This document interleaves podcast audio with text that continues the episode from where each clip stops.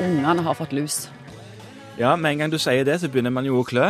Fordi det gjør man jo, faktisk. Eh, når noen sier lus, så får man jo automatisk lussymptom sjøl.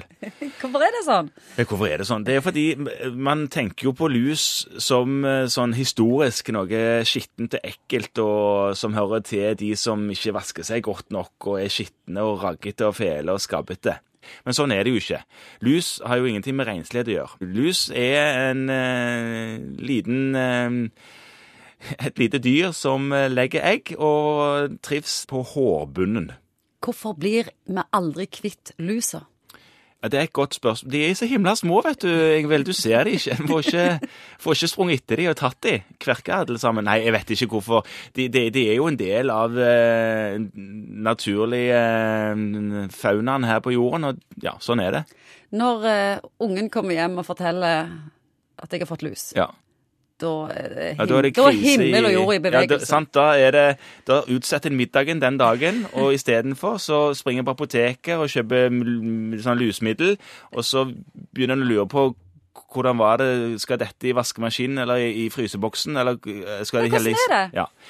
Må du Eh, vaske sengetøyet? Må du Ja, vaske det må du. Eh, Men de, de, disse lusene, de er ikke, de er ikke hardføre, altså. De lever ikke mer enn et døgn uten å være på hodet til en eh, person. Så Eh, sofaen er trygg? Ja, sant. Det, akkurat det. Der så mange kommer og sier 'må jeg hive sofaen'? Nei, du trenger ikke hive sofaen. Du bare er ikke i sofaen døgn, eller kanskje litt mer. Og så henger du teppet og sånn ut, og hvis det er vinter, så er det jo sånn at eh, kulden om, om natten vil jo være med på å gjøre det ekstra utrivelig for lusen. Da, da klarer han seg ikke, rett og slett. Da dør han fort. Og så vasker du, vasker du ting eh, og tang i, i vaskemaskinen.